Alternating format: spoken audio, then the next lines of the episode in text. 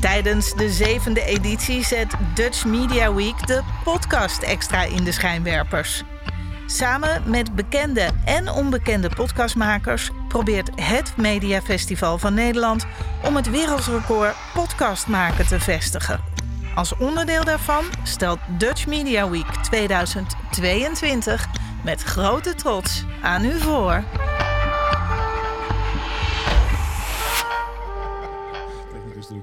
Record. Oké, vanaf nu moet alles goed gaan. Oké, Okay, dan, geen eh, fouten meer permitteren. Nou, dan start ik nu met de jingle. Heb je dan ook een nieuw onderwerp of was het gewoon een jingle? Nee, dit was gewoon een jingle. Maar eh, Ah, oké. ja, normaal gesproken eh, ben ik natuurlijk eh, na het opnemen van onze po- podcast, eh, waarbij we alles eigenlijk digitaal eh, doen eh, en ik de waffiles krijg, eh, nog wel een paar uurtjes bezig met editen. Je rustig in je eigen tijd met een kopje Precies, koffie zonder ja. druk van mensen die bij de hand in de microfoon zitten te lullen. Gewoon je gang kan gaan. Zonder afleiding. Stuur de kinderen Ja. naar buiten en, eh, En ja, zo gaat dat. en ook geen eh, espresso machine natuurlijk op de achtergrond, dat scheelt heel veel. Ja. Ja. Maar we hebben een nieuwswaardige podcast. En nieuws, dat hebben we geleerd, dat werkt op de volgende manier. Eh, mensen zijn een soort aapjes. Aapjes zijn eh, kwetsbare dieren. Dus die zijn heel erg gefocust en gespitst op het detecteren van gevaar en mislukkingen. Ehm, want eh, die, kan je, die kunnen je helpen om te overleven en dan kan je dat zelf ontwijken. Dus de functie van nieuws is aanduiden waar iets niet goed gaat of iets gevaarlijk is. Wat er niet goed ging, lange inleiding, is eh, de metaverse. De metaverse. De metaverse Oh. van Nike. Eh, de metaverse van Nike is Nike Land. Het zou kunnen zijn dat je er nooit van gehoord hebt. Dan ben je misschien niet elke dag in het eh, virtuele universum van Roblox lekker spelletjes aan het doen. Ja. Roblox eh, is eh, best wel een, een groot virtueel universum. Dat is eigenlijk een soort Lego, maar dan online. Waarbij dus eigenlijk de mensen die Roblox spelen of gebruiken, de mogelijkheid hebben om net als bij Lego zelf allerlei soorten speelgoed te maken of spellen te maken. En daar kunnen andere mensen dan weer doorheen lopen en gebruik van maken. Er zijn hele professionele Roblox-spellen die door echte bedrijven gemaakt zijn. Er zijn ook hele populaire spellen die door jongetjes en meisjes van eh, 11 en 9 gemaakt zijn. Ehm, dus het is een, eh, een landschap, laten we het zo zeggen, een virtuele wereld waarin je fantastische paleizen tegen kunt komen. En ook probeersels van iemand die twee uur lang eh, gepoogd heeft om eh, vijf blokken op elkaar te zetten en daar niet in geslaagd is. Ehm, een, een gevarieerd landschap, laten we het zo noemen.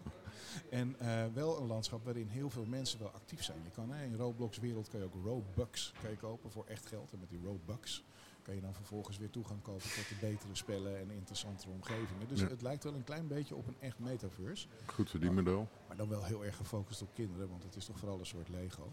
Maar goed, Nike eh, had geen zin om zelf te proberen publiek ergens naartoe te krijgen. Zijn ze toch al niet zo goed in. Komt ook niemand op hun website. Mensen gaan gewoon naar de winkel.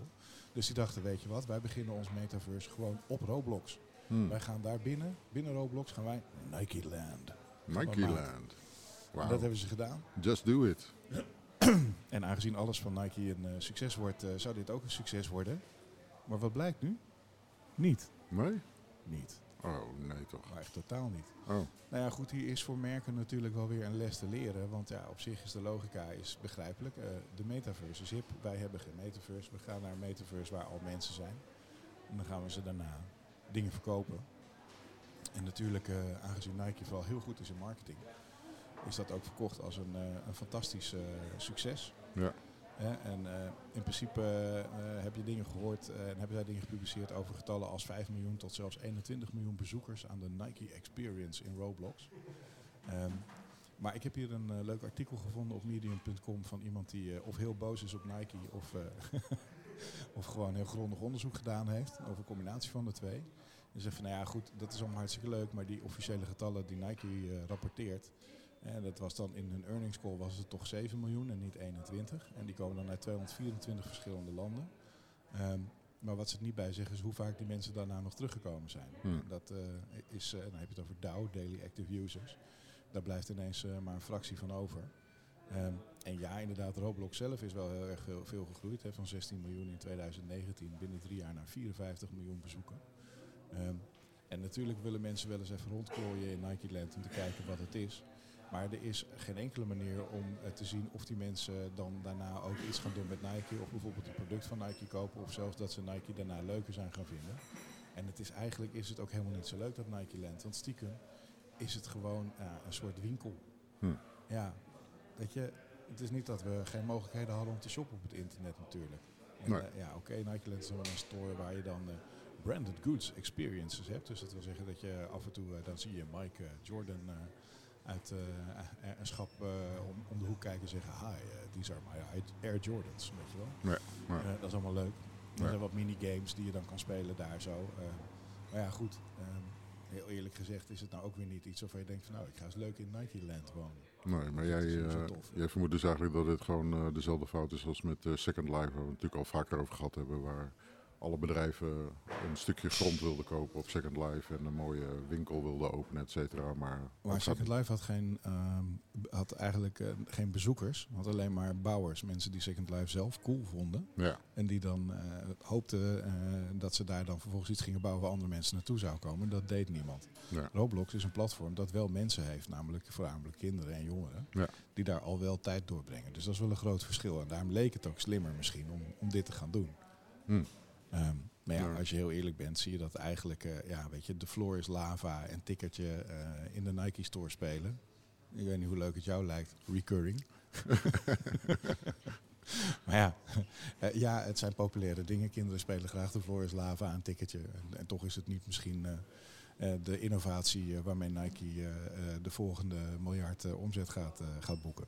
Ja, nou, ik, ik denk dat dit artikel kwam wij een beetje over als uh, een artikel geschreven door een disgruntled employee, zeg maar.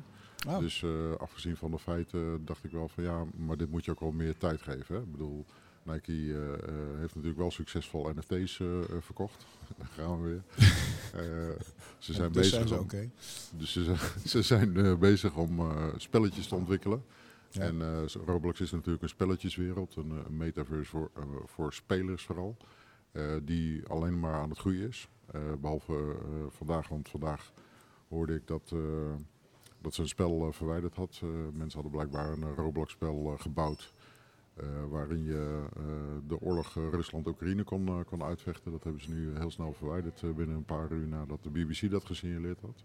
Maar Nike probeert natuurlijk voor de lange termijn ook iets te bouwen. En nou ja, net als Mark Zuckerberg gelooft zij gewoon dat de metaverse uiteindelijk wel iets gaat worden wat uh, zinvol en commercieel interessant is.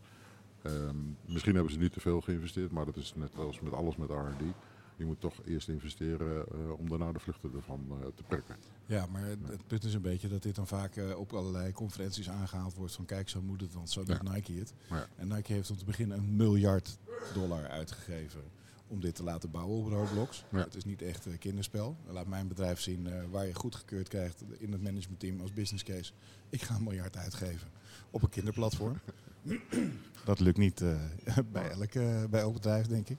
En dan vervolgens, om te zorgen dat ze ook naar die, die 7 miljoen casual bezoekers toegekomen zijn, hebben ze dan wat deeltjes gemaakt met mensen zoals Drake, Oh, ja. de bestselling artist of uh, de laatste vijf jaar. Ja. Uh, om endorsements te doen uh, en, en, en, meer van dat soort dingen. En LeBron James nog eens even gevraagd om iedereen uit te nodigen om wat leuks te komen bekijken. Daar, ja. Kijk, als je het op die manier doet, kan je er wel een quote-unquote succes van maken natuurlijk. Ja. Maar dat is als case voor het gemiddelde bedrijf om te denken, moeten we naar de metaverse? Ja, want Nike doet het ook. Nou, dat klopt. En als je het net zo wilt doen als Nike, neem dan in elk geval een miljard mee voor het bouwen en nog een half miljard voor de promotie. En dan wordt het zeker een succes. Oké, okay, dus jouw advies aan mij is eigenlijk om uh, onze eigen metaverse, metaverse.frl, om dat domein nog wel even aan te houden, maar nog niet te veel in te investeren. Ik zou er een miljard in investeren. Oh. als ik jou was. Oh, wat een goed getuinde. Hij doet het weer. Hij doet het weer. Hij doet het weer. Ja. ja. Uh, laten we het ook nog even hebben over begraafplaatsen. Google heeft natuurlijk uh, best wel een grote begraafplaats van producten die het allemaal uh, niet gehaald hebben en, en gekild zijn. Ja. En daar hebben ze inmiddels best wel een reputatie in opgebouwd. En nu is het toch wel een hele grote graf gegraven, namelijk voor Google Stadia. Ja. Dat is een diepe put, hè? Dat is een hele diepe. Ja. Heb jij iets uh, van Google Stadia hardware, dan wel de service? Ik heb het uh, bekeken bij iemand die het allemaal had. Ik Ja. zei van ik wil het ook eens zien voordat het dood is. Dat was drie jaar geleden. Ik vind dat het nog lang duur, geduurd heeft. Ja. Als ze bij Google nou één ding niet kunnen, dan is het wel dingen met games. Ja, maar ik vind het vooral raar dat als je zulke diensten in de markt brengt, dat je ofwel weet dat het een succes gaat worden en er alles aan gaat doen, inclusief de investering die erbij komt. Eh, ofwel er niet aan gaat beginnen. En bij Google is het toch vaak, eh, nou we hebben een experiment, we hebben een leuk product. Eh, denk aan Google Wave voor, voor de boomer techs onder ons. Ja. Ja, zet dan ook gewoon, gewoon door. Maak er een succes van. Want het concept van gaming via de cloud is natuurlijk echt wel een, een goed concept. Wat uiteindelijk ook wel realiteit gaat worden. Het vraagt heel veel capaciteit. Maar wie wil er nog zo'n zware game doos eh, onder zijn bureau hebben staan? Dat zijn misschien nog een paar boomers. Maar jongeren die willen alles eh, toch gewoon gestreamd hebben naar hun, eh, naar hun mobiel of, eh, of naar een desktop. Of naar een laptop bedoel ik. Desktop. zijn er nog mensen met een desktop? Wil je nu je hand opsteken? Ah, daar, achterin. Oh, daar achterin. De context of de setting hier is wel heel erg goed. Hè? Met allemaal wat iets oudere mensen. Misschien nog ouder dan wij Ja, zelfs. we zitten in een boekhandel. Ik moet de eerste jongeren nog binnen zien komen. We zijn hier al even, maar goed. Nee, ja, ik, begrijp. Hè, eh, Google Stadia was natuurlijk een mooi idee. En het idee dat je alles streamt naar je device is ook eh, prima. Maar wat ik zie... ehm, ik zal het niet hebben over wat ik zelf doe als gamer. eh, maar wat ik mijn, mijn jongeren thuis en net uit huizig zie doen... is over het algemeen gamen op een, een Xbox of een Playstation. En die ook gebruiken om Netflix en HBO en dat soort series en zo allemaal te kijken. Ja, Ehm, en op mobiel spelen ze simpele spellen. Dus de grote immersive spellen worden gespeeld op een groot televisiescherm. Als we dat nog zo moeten doen. We moeten eigenlijk gewoon een naam voor verzinnen voor televisiescherm. Want het is dat scherm in je huis wat heel groot is. Waar je meubels op gericht zijn. En ehm, dat de, de televisie vervangen heeft die daar vroeger stond. Maar waar nu eigenlijk geen televisie meer op gekeken wordt. Dus ja, nou, dat scherm. ja, ja. Die glasplaten Ja. eigenlijk. Enfin, dus dat ding. Eh, daar wordt over het algemeen eh, de grote spannende immersive spellen opgespeeld. En dan eh, inderdaad via een doos die eronder staat. En dan eigenlijk die doos die eronder staat. Vroeger gingen er allemaal schijfjes in met Ja. spellen die gekocht werden. En tegenwoordig gaat dat ook allemaal via de cloud. En steeds vaker via abonnementsdiensten. Dat lukt inmiddels zowel Sony als Microsoft vrij goed. Dus je bent dan lid van hun dienst. En dan heb je een soort spellenbibliotheek. En dan komt continu van alles nieuw spul bij enzovoort. Dat is hoe het moet. Maar wat eh, Google gedaan heeft, is eh, zelf eh, niets van waarde creëren wat aan een spellenbibliotheek toegevoegd kan worden en uitgenut kan worden. Dus ze moesten alles extern inkopen en dat is duur. Ja. En ze hadden geen audience, want ze hadden geen gamers die via welke service dan ook bij Google iets met games deden. Dus je hebt geen publiek, je hebt geen product, maar je hebt wel cloud. Wat ga je Hmm. doen? Lanceren. Ja. Ja.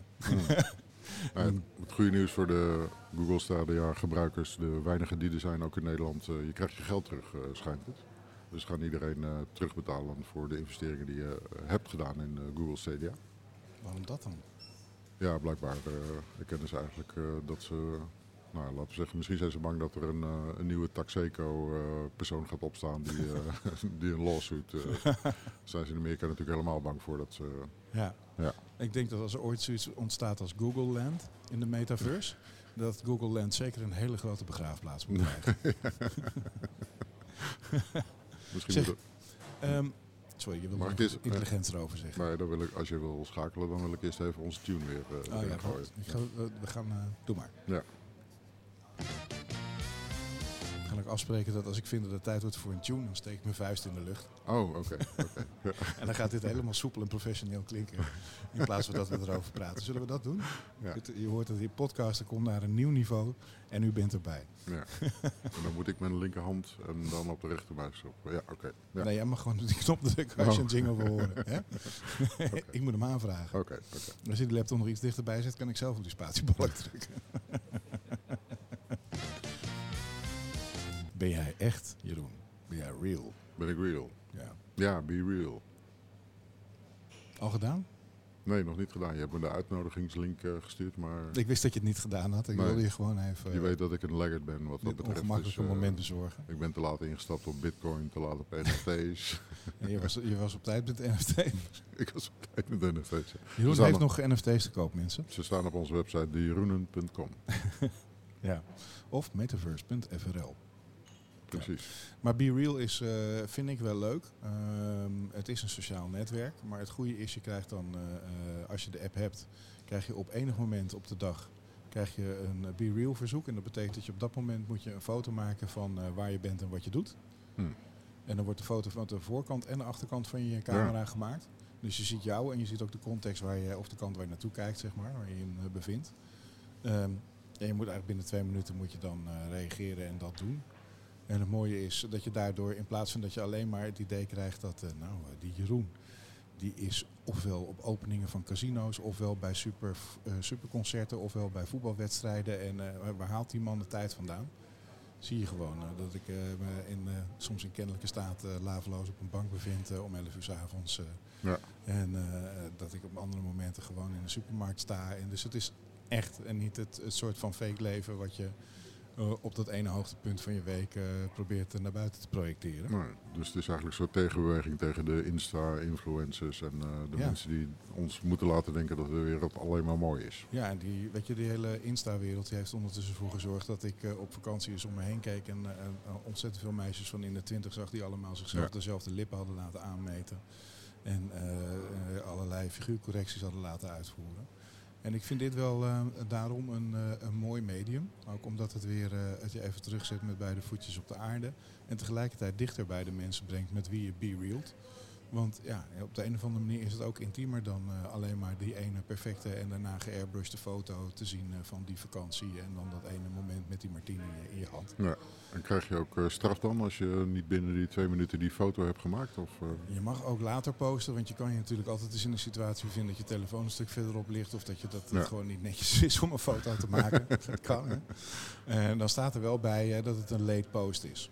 En ja, okay. weet je, als jij altijd late posts doet, waarbij je vier uur later een keer een foto uploadt, ja, dan wek je op een gegeven moment natuurlijk wel de indruk dat je een faker bent. Ja, oké. Dus je, je, op een, je, je callt jezelf out, hoe zeg je dat? Je, ben, ja, uh, je maakt jezelf minder geloofwaardig als je telkens uh, een aantal uren wacht om een Be Real te posten. Dan heb je het niet helemaal begrepen hoe het werkt. Nee. En dan word je op een gegeven moment ook verdacht. Ja. Nou, ik vond het heel verrassend dat uh, het is een Frans bedrijf. Dat is uh, A, denk ik al ah, verrassend voor een techbedrijf. C'est Be Real.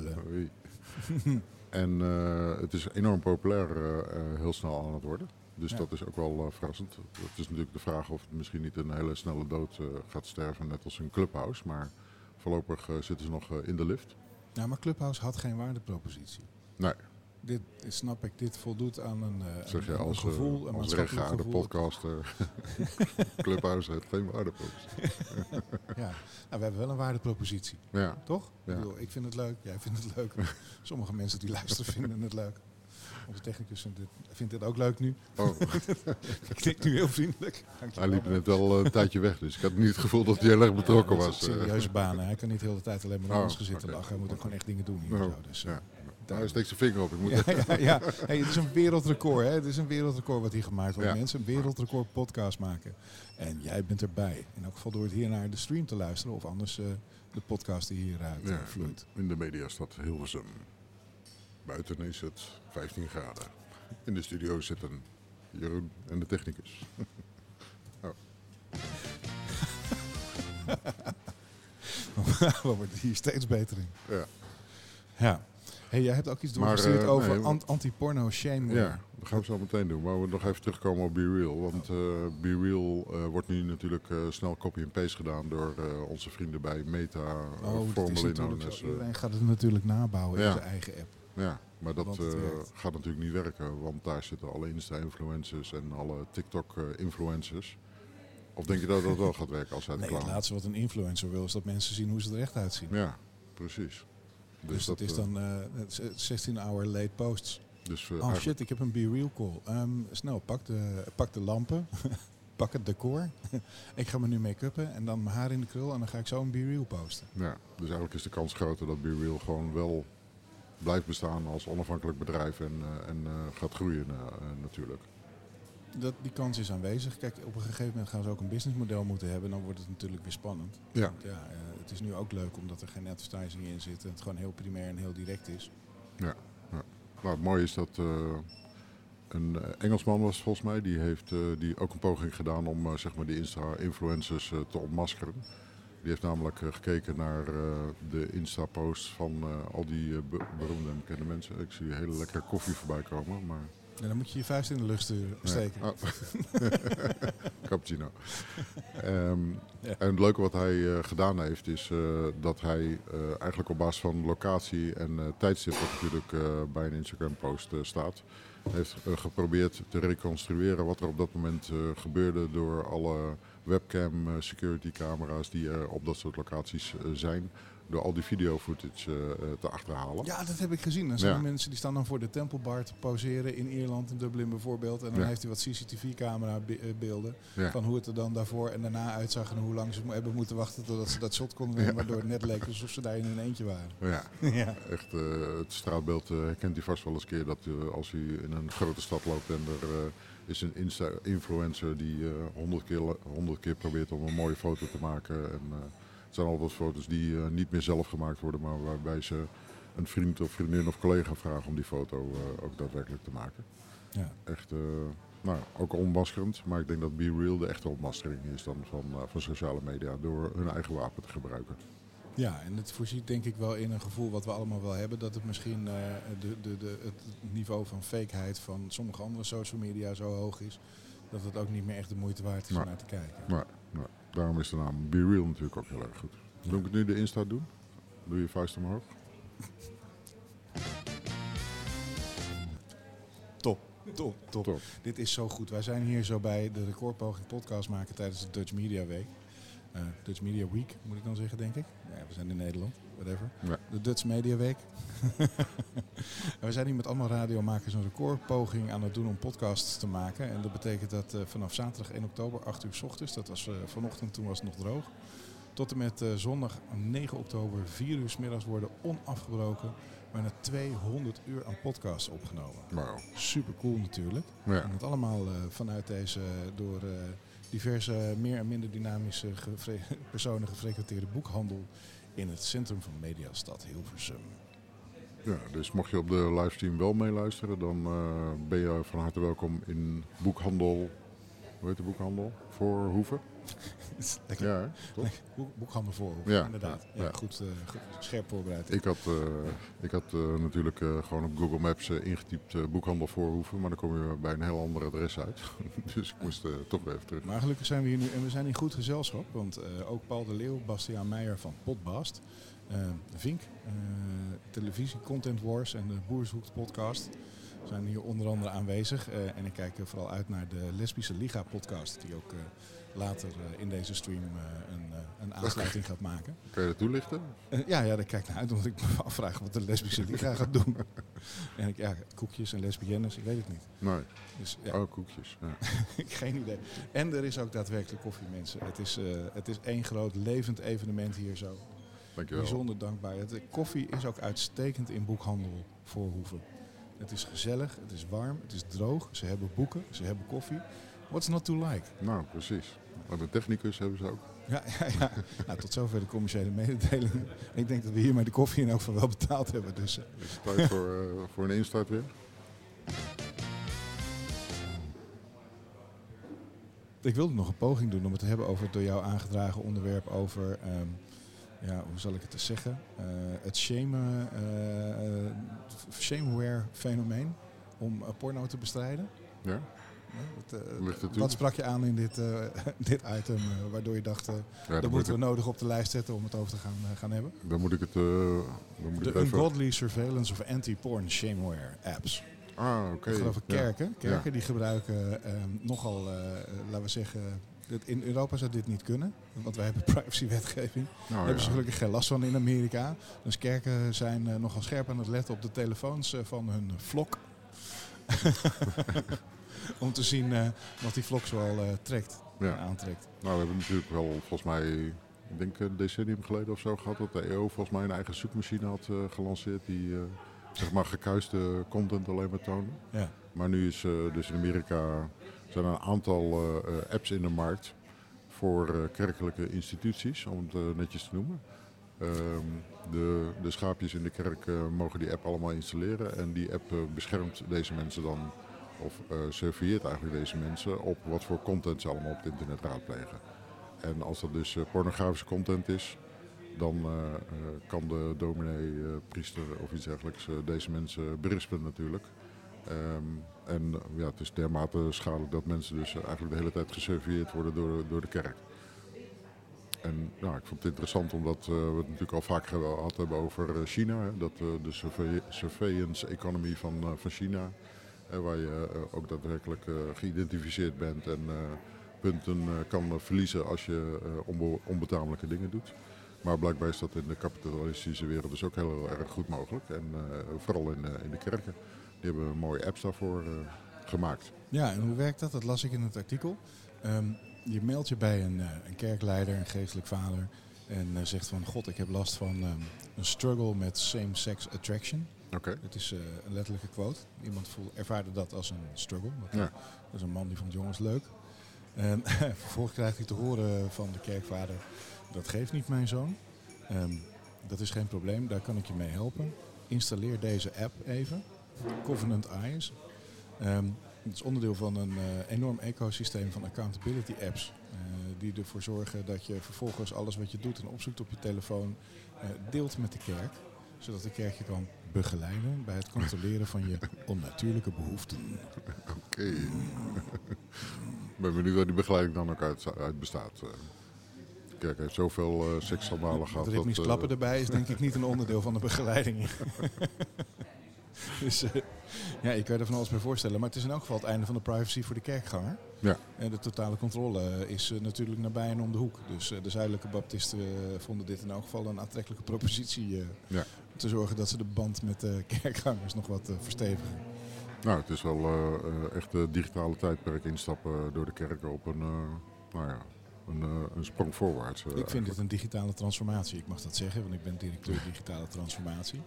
En ik vind het een digitale transformatie van schuld. Want eh, laten we eerlijk wezen, kerken zijn gebouwd op schuld en boete. Ja. Iedereen eh, probeert eh, leuk mee te doen en faalt af en toe en doet lelijke dingen. En eh, kerk is dan de instantie die daar A schuldgevoel over geeft en je dat B laat afkopen door middel van giften of gebed.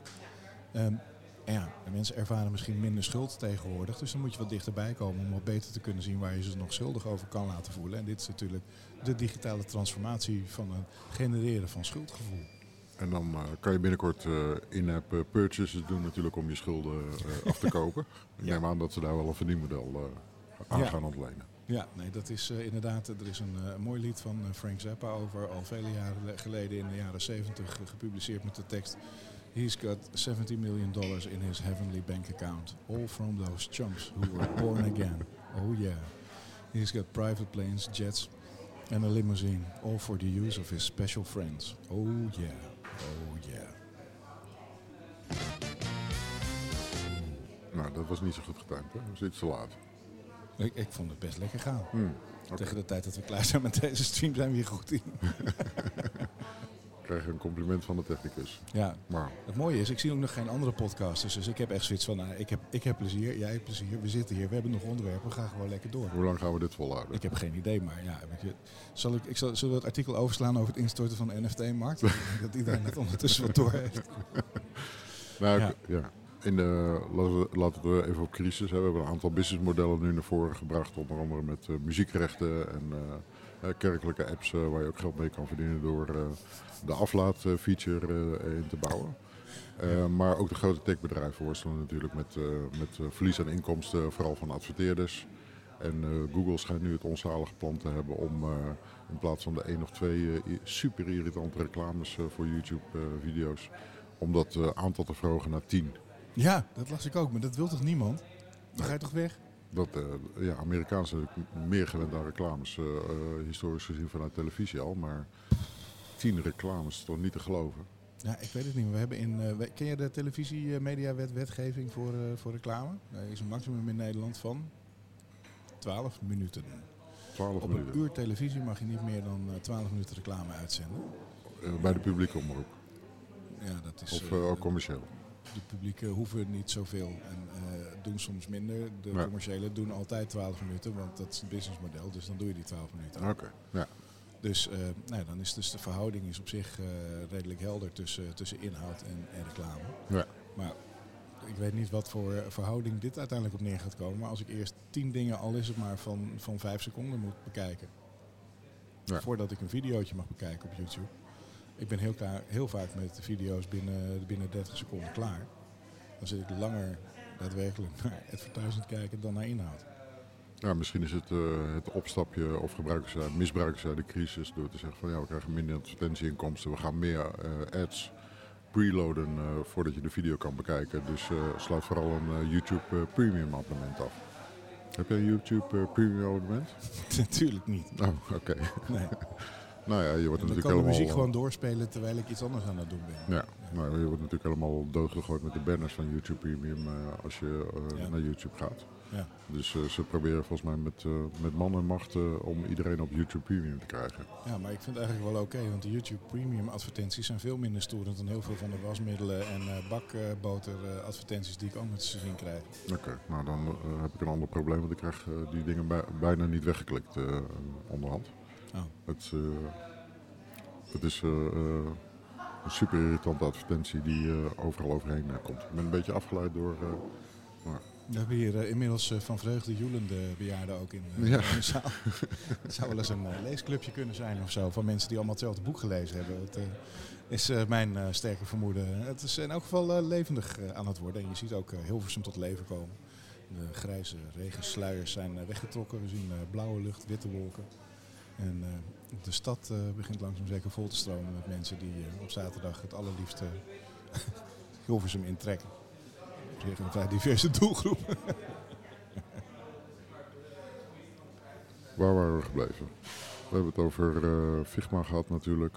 Ehm, we hebben het vorige keer natuurlijk ook gehad over eh, DALI en alle eh, artificial intelligence tools die er nu ontstaan zijn om plaatjes te genereren. Ja, break- breaking. Dali heeft nu geen wachtlijst meer. Dus als je Maar- nu wil daliën, dan kan je er gewoon op. En de volgende stap is dat het nu met video gaat kunnen.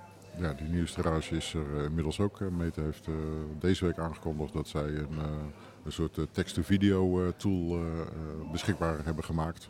Dus als jij een zin opgeeft, natuurlijk wel in het Engels, van I want to see a flying dog in the clouds, dan genereert Meta AI, dus Meta als eh, formerly known as Facebook, die genereert dan een video voor jou van Ja. een seconde. Dus we zijn weer ik, een ben, stap ik verder. ben echt heel erg slecht en ik weet het. Maar ik ben dan echt van plan om binnenkort uit te gaan proberen dat ik een video wil zien van een in leer geklede Katrien Duk die Donald afranselt. En dan kijken of de ja, nou, meta-politie eh, toestaat eh, dat deze video gegenereerd wordt door de AI. Ik ben heel benieuwd. ik denk het niet. Jij denkt ze niet. Ik zie dit als een uitdaging. nee, nee.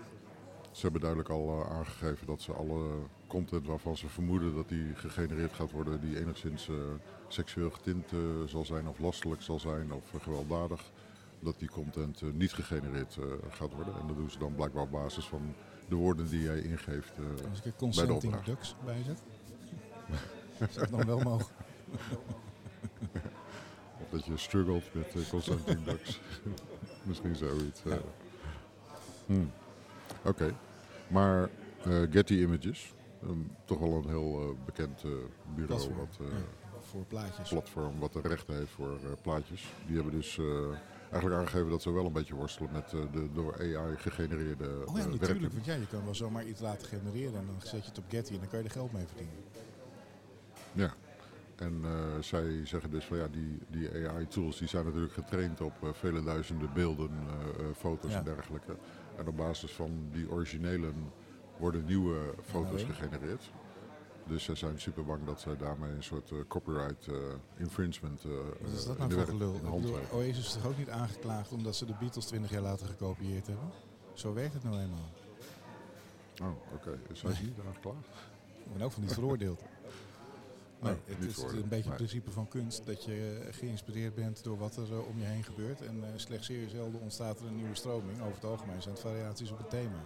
Wat is daar mis mee dan? Ja, maar nou ja, ik zie wel te veel eh, eh, DALI eh, eh, gegenereerd worden waarbij iedereen de Vincent van Gogh-achtige stijl wil hebben voor een bepaald onderwerp dat is in beeld. Ja, ja, precies. Maar ja, dan, dan kan ik me voorstellen dat als het iets recenter werk is en je bijvoorbeeld een Andy Warhol of iets dergelijks achtige foto of image wil genereren, dat, dat daar een, eh, een rechtszaak uit gaat Als ik dan bijvoorbeeld zeg van ik zou het centrum van Hilversum willen zien eh, in stralende zon eh, met een winkelende meute in de stijl van Jeroen Krabbe. Dan Hmm. verwacht jij dat Jeroen Krabbe gaat zeggen van nou Getty, deze foto is duidelijk geïnspireerd op mijn stijl, dus dit beeld. Dus dat moeten jullie weghalen en ik, ik eis een vergoeding. En zij zijn bang Ja, dat dat dat is kansrijk is. Ik denk dat het in Amerika Oh, altijd kansrijk is. Dus kans voor een. Europees bedrijf om al die AI-art wel toe te laten op een platform en dat gewoon lekker te gaan verkopen en een keiharde concurrent van Getty in de markt te zetten met een veel goedkoper businessmodel. Kansen, je hoort het bij de Jeroen. Ja. Nou, ik zie nog geen vinger, dus eh ja, Vuist. vuist. Ja. Oké.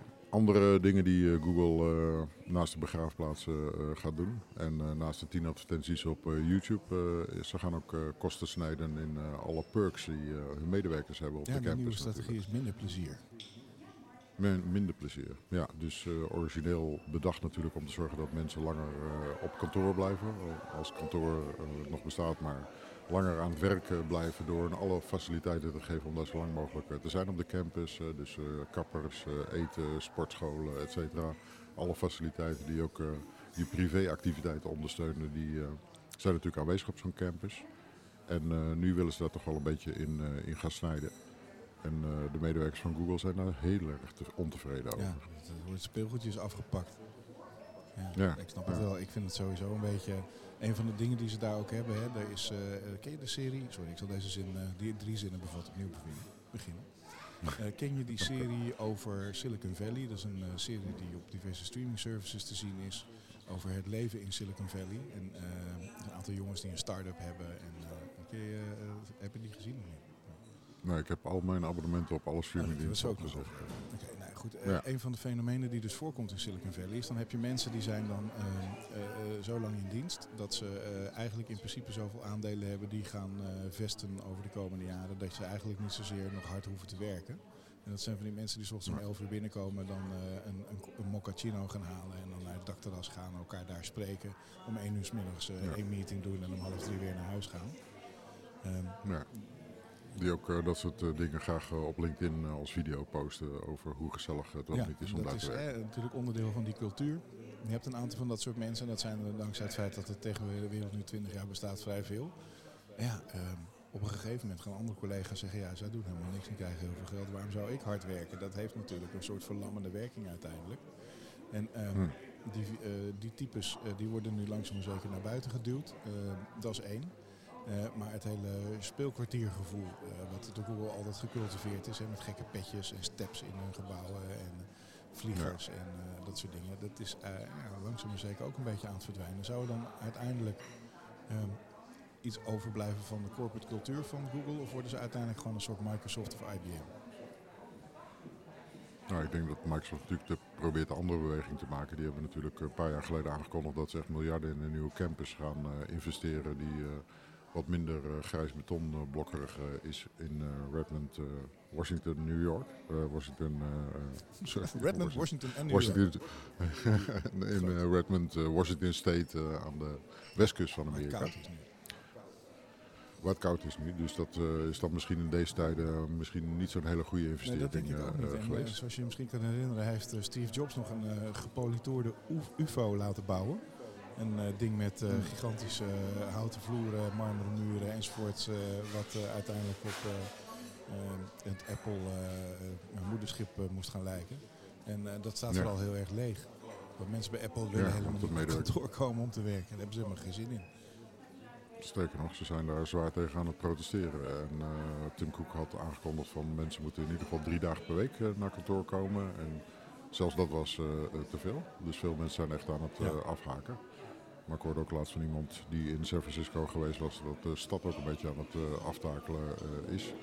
En eh, niet meer het uh, eh, blijft of is wat het ooit, ooit geweest is. En ik denk dat dit natuurlijk nou ja, het terugbrengen van, van wat een campus is voor medewerkers, alle spielerij eromheen, dat het daar ook wel enigszins Ja, ik in moet past. zeggen dat ik het zelf ook wel merk. We hebben ook discussies gehad op het werk over hoe vaak komen mensen eigenlijk naar kantoor en moeten we ze niet aanmoedigen om dat vaker te doen. Gelukkig hebben we nu een energiecrisis. dus ik denk dat heel veel mensen gewoon weer vrij elke dag naar kantoor gaan komen deze winter, zodat ze thuis de kachel uit kunnen zetten. Op kosten van de baas eh, warm ik heb hier een theorie over en dat is dat Poetin eigenlijk niet zozeer een dictator is, maar een marionet van de energieindustrie. Je hoort het hier eerst Oké. bij de Jeroenen.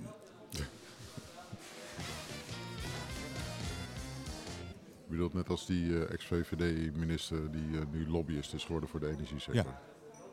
Hoe heet ze? Cora? Ja, nog dat is die vrouw die Nieuwenhuis? 250.000 euro aftikt voor een halve werkweek. Ja, Ja, ja. maar dan, ben, dan ben je echt heel goed. Ja, zo goed ben ik dus goed in.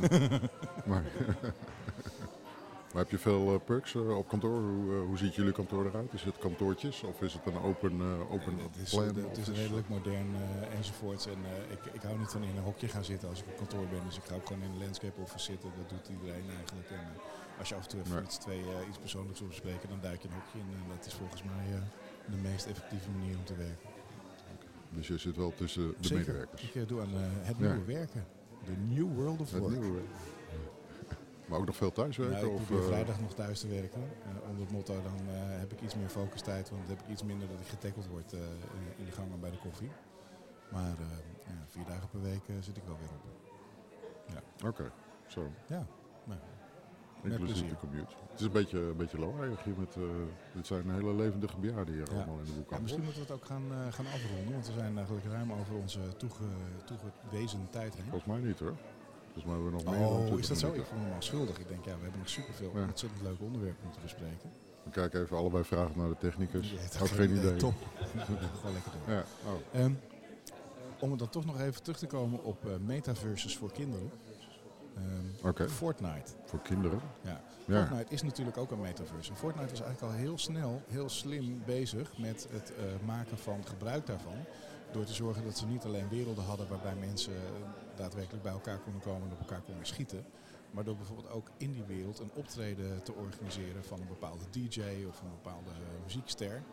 Eh, waar dan, en daar kon je naar Fortnite toekomen en dan kon je in Fortnite kon je bij dat concert zijn. Nou, daar konden ze dan allerlei special effects aan toevoegen enzovoort. Dat was echt een mega Dat succes. was toch? en is een mega succes, dat soort evenementen. Het enige probleem is dat Fortnite natuurlijk gebouwd is als een Battle Royale. Nou, voor de 20-plussers onder u, of de 30-plussers. Een Battle Royale is een eh, spel waarbij je met 100 man begint in een eh, steeds kleiner wordende arena. En uiteindelijk op elkaar schiet totdat er nog maar één iemand over is. Ehm, het probleem zit in het getal 100. Als jij eh pak een bij Drake uit wil nodigen om op je platform een liedje te komen zingen. En je wil iedereen die daar eh, interesse in heeft faciliteren. Dan moet je voor elke 100 moet je een nieuwe instance aanmaken van je metaverse. Omdat het nou eenmaal gebaseerd is op een spel wat je met 100 man speelt. Hmm. Dus je begrijpt dat Drake best wel wat, eh, wat publiek trekt.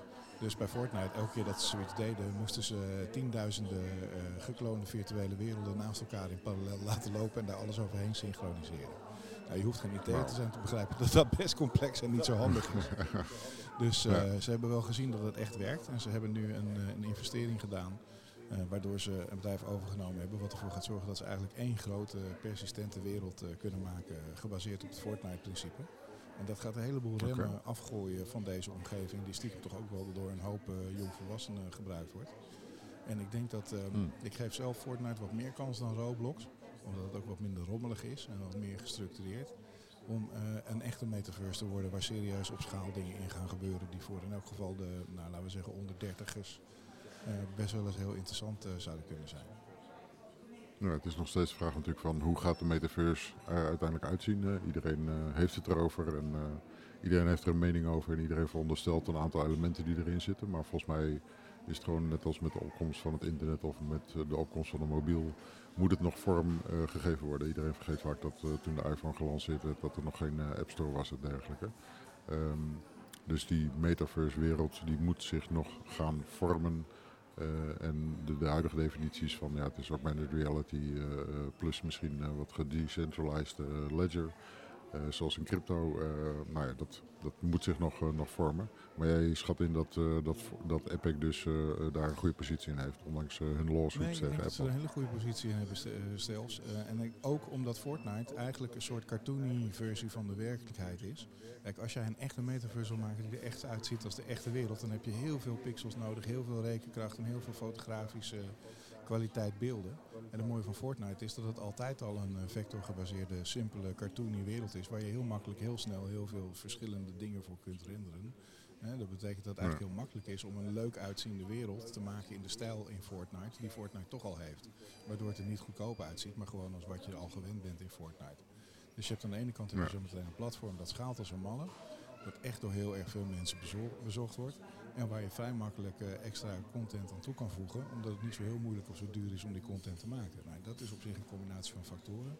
Waardoor ik zeg, mocht je nu toch ergens eh, muntjes op een paard willen zetten in de metaverse race. Dan denk ik dat, eh, die bij Fortnite misschien wel eens aan het juiste adres zou kunnen zijn. Ik zie nog geen vuist in de lucht. Ja, de technologiewereld dringt ook de schaakwereld uh, binnen. Goed verhaal is dit. Goed verhaal is dit. Heb je het uh, gevolgd ook een beetje? Ben je een beetje een schaakfan? Ik ben geen schaakfan, maar sommige verhalen zijn zo goed dat ze zelfs uh, mensen bereiken die niks met schaken hebben.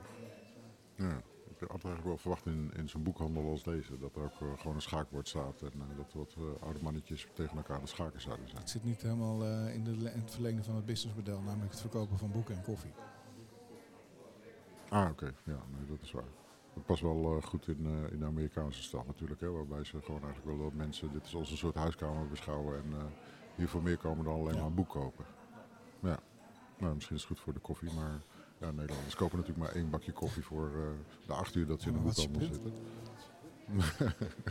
ja, terug naar het onderwerp. Dus er was een wedstrijd tussen de grootmeester Magnus Huppeldepup en... ja, en een uh, Amerikaanse opkomende schaakgrootmeester. en uh, er dreigt, uh, of er is een, een, schandaal zich aan het ontwikkelen waarbij technologie een belangrijke technologie? rol speelt. Weet je welke rust anale kralen. ja.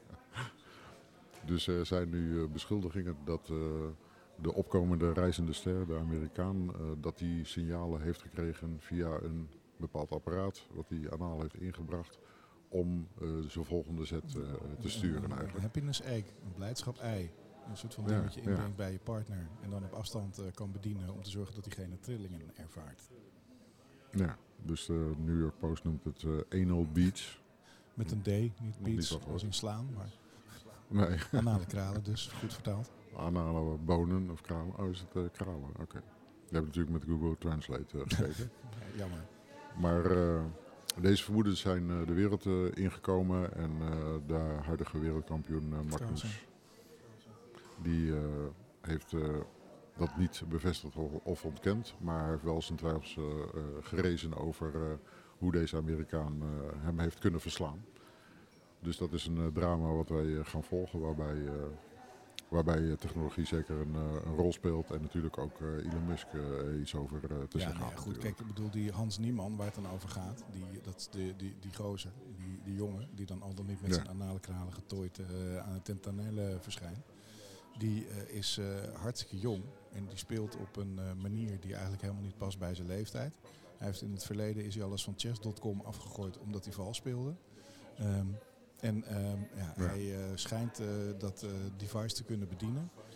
door nou, dat dan het vermoeden is dat hij dan ergens bijvoorbeeld bij zijn voeten iets met zijn tenen kan doen, waardoor hij een, een query kan ingeven. En dat hij dan bijvoorbeeld een bepaald patroon E2, E4 zou kunnen tappen met zijn tenen. En dat op het moment dat dat een goed idee is volgens de schaakcomputer, dat er dan een bevestigende trilling rond zijn kringspier zich manifesteert.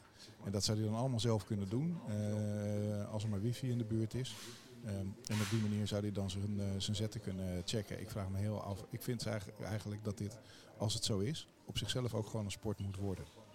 Dat degene die het beste zijn beat kan bedienen, mogen winnen. Geweldig, ja.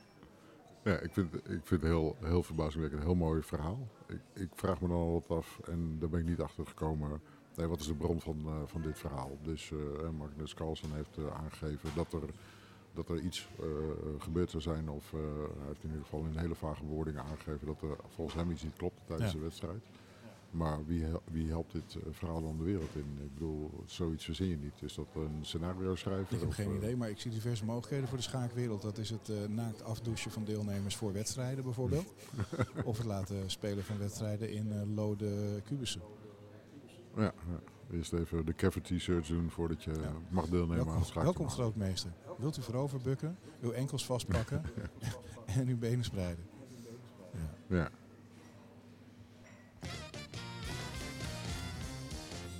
Dan moet ik ook altijd zelf mijn, uh, mijn vuist in de lucht uh, doen.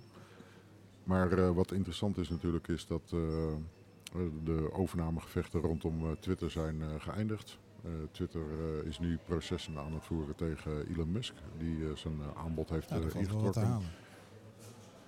Valt wel wat te halen. En het mooie van het Amerikaanse proces is natuurlijk dat dan alle documentatie moet vrijkomen. Dus dat betekent dat alle chats, alle e-mails, uh, alle correspondentie tussen beide partijen uh, openbaar uh, gemaakt moet worden. En er zijn heel veel Twitter-accounts die dat volgen. Een van de meest interessante die heeft gisteren wat, wat gedeeld. Een conversatie tussen de CEO van Twitter, Parag Agrawal, als ik me goed herinner was zijn naam Elon Musk. Waarbij uh, Parag uh, vlak voordat uh, Elon Musk een Ask Me Anything sessie bij Twitter zou gaan doen, eigenlijk Elon vroeg om te zorgen dat er weer rust in het bedrijf kwam binnen Twitter. een heel lang verhaal, kortom, waarop Elon heel cheeky reageerde van wat doen jullie dan de rest van de week? gaat er nog wat gebeuren binnen Twitter of zijn jullie nu allemaal... Echt heel, echt heel persoonlijk hè? Een heel lang verhaal, wil je alsjeblieft een beetje rekening houden met. Het is gevoelig, bla bla bla. En dan zegt, zegt Parag, en uh, Elon antwoordt dan met: What did you get done this week? Ja. Het is, uh, je zou haast denken dat uh, Elon de tekenen vertoont van een micromanager zijn. ja. Nou, hij heeft natuurlijk nu een mooie humanoid robot aangekondigd als product van. ja, van met die geniale naam, hoe heet hij ook alweer?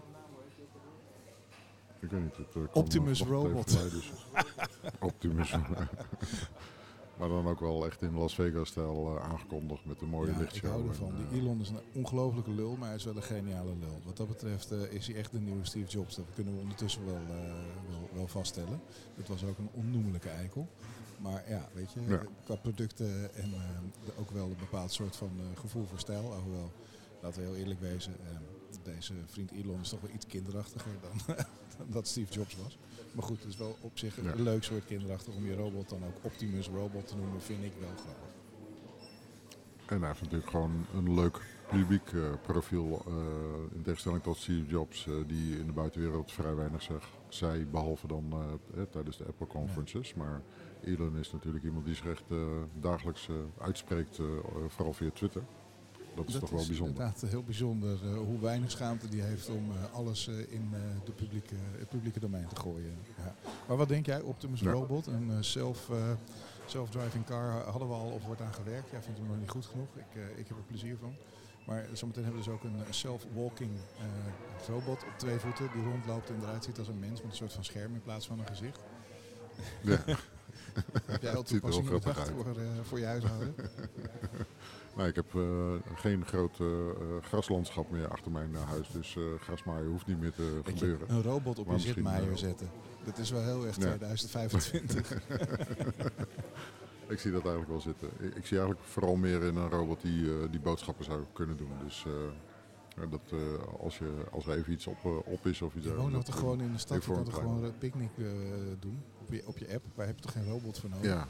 Orderpicking gebeurt okay. gewoon door, door, door mensen... Uh, in, in, in, in, distributiecentra. Ik woon in een mooie uh, middeleeuwsachtige uh, stad. Het is geen dorp, maar een echte stad met stadsrechten. en ik irriteer me eigenlijk bont en blauw aan al die karretjes die de hele dag voorbij komen. Nee, ergert je bont en blauw of de karretjes irriteren je? Irriteren is oh, wederkerig. Dat is mijn favoriete interruptie van mensen die al geïrriteerd zijn. Het is het allermooiste moment om ze grammaticaal te corrigeren. Ja. De spatieballen, kom op, je kan het. Hij stond aan het einde van de tune. Dus, uh. ah, je moet hem resetten elke keer. Ja. Kunnen we jou ook inhuren als technicus? Ook manueel werk ja? nog uh, voor deze podcast. Het gaat, gaat te vaak fout eigenlijk. Weet je eigenlijk welke podcast hierna komt? Of, ja, dan kunnen we die fatsoenlijk aankondigen. Want wij zijn aangekondigd door Vincent Bijlo. Dat is een hoogtepunt in ons leven. We ja. hoorden Vincent Bijlo hier gewoon midden in zijn podcast zeggen... Zometeen komen de Jeroenen. En dan is ook nog wat aardigs volgens mij. Sterker nog, misschien is het leuk om jullie even mee te nemen... in het spoorboekje van wat er sowieso nog op de stream te beluisteren is uh, zometeen. Uh, de burgemeester van Hilversum heeft het uh, virtuele lintje van deze stream doorgeknipt. En Vincent Bijlo die heeft ons en de, eten geslingerd. met een mooi verhaal over de geschiedenis van de podcast, wat terug te luisteren is. En... Um, een aantal hoogtepunten die je hier verder kunt gaan beleven zijn um, om 1 uur op deze stream. 50 jaar Tita Tovenaar. Dat zien we morgen dan wel weer. Daar kijk ik sowieso naar uit. Dus ja, dat is zeker een van de dingen die, bijzonder eh, interessant zijn en waar je zeker naar moet gaan luisteren. Ehm, ik heb een donkerbruin vermoeden dat de podcaster die de volgende show maakt, De Leeuw lult verder, dat dat Paul de Leeuw is. Wie houdt er niet van Paul de Leeuw? Is toch een soort van ik denk dat als Paul de Leeuw nog vijf jaar doorgaat met entertainment maken, dat hij dan UNESCO Werelderfgoed wordt.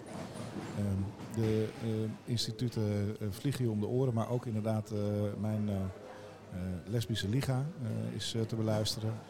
Kourou, Reality Check, Powerpraat, Dit Was De Radio, Trust Nobody, Radio Reuze, Pruikentijd, Apple interviewt Hunter Pekel, Potbast met Rick van der Westerlaken, daar bleef je voor thuis met Annette Barlo. En de feestelijke afsluiting vindt uiteindelijk ook plaats door Vincent Bijlo. Oh, wat leuk. Dus je komt er gewoon ja, terug. full circle gaan we. Ja. Hmm. Dus Paul de Leeuw uh, Fashionably Late of uh, wanneer moeten wij het zo krijgen? Oh, je wilde nog steeds weten wie de exacte volgende...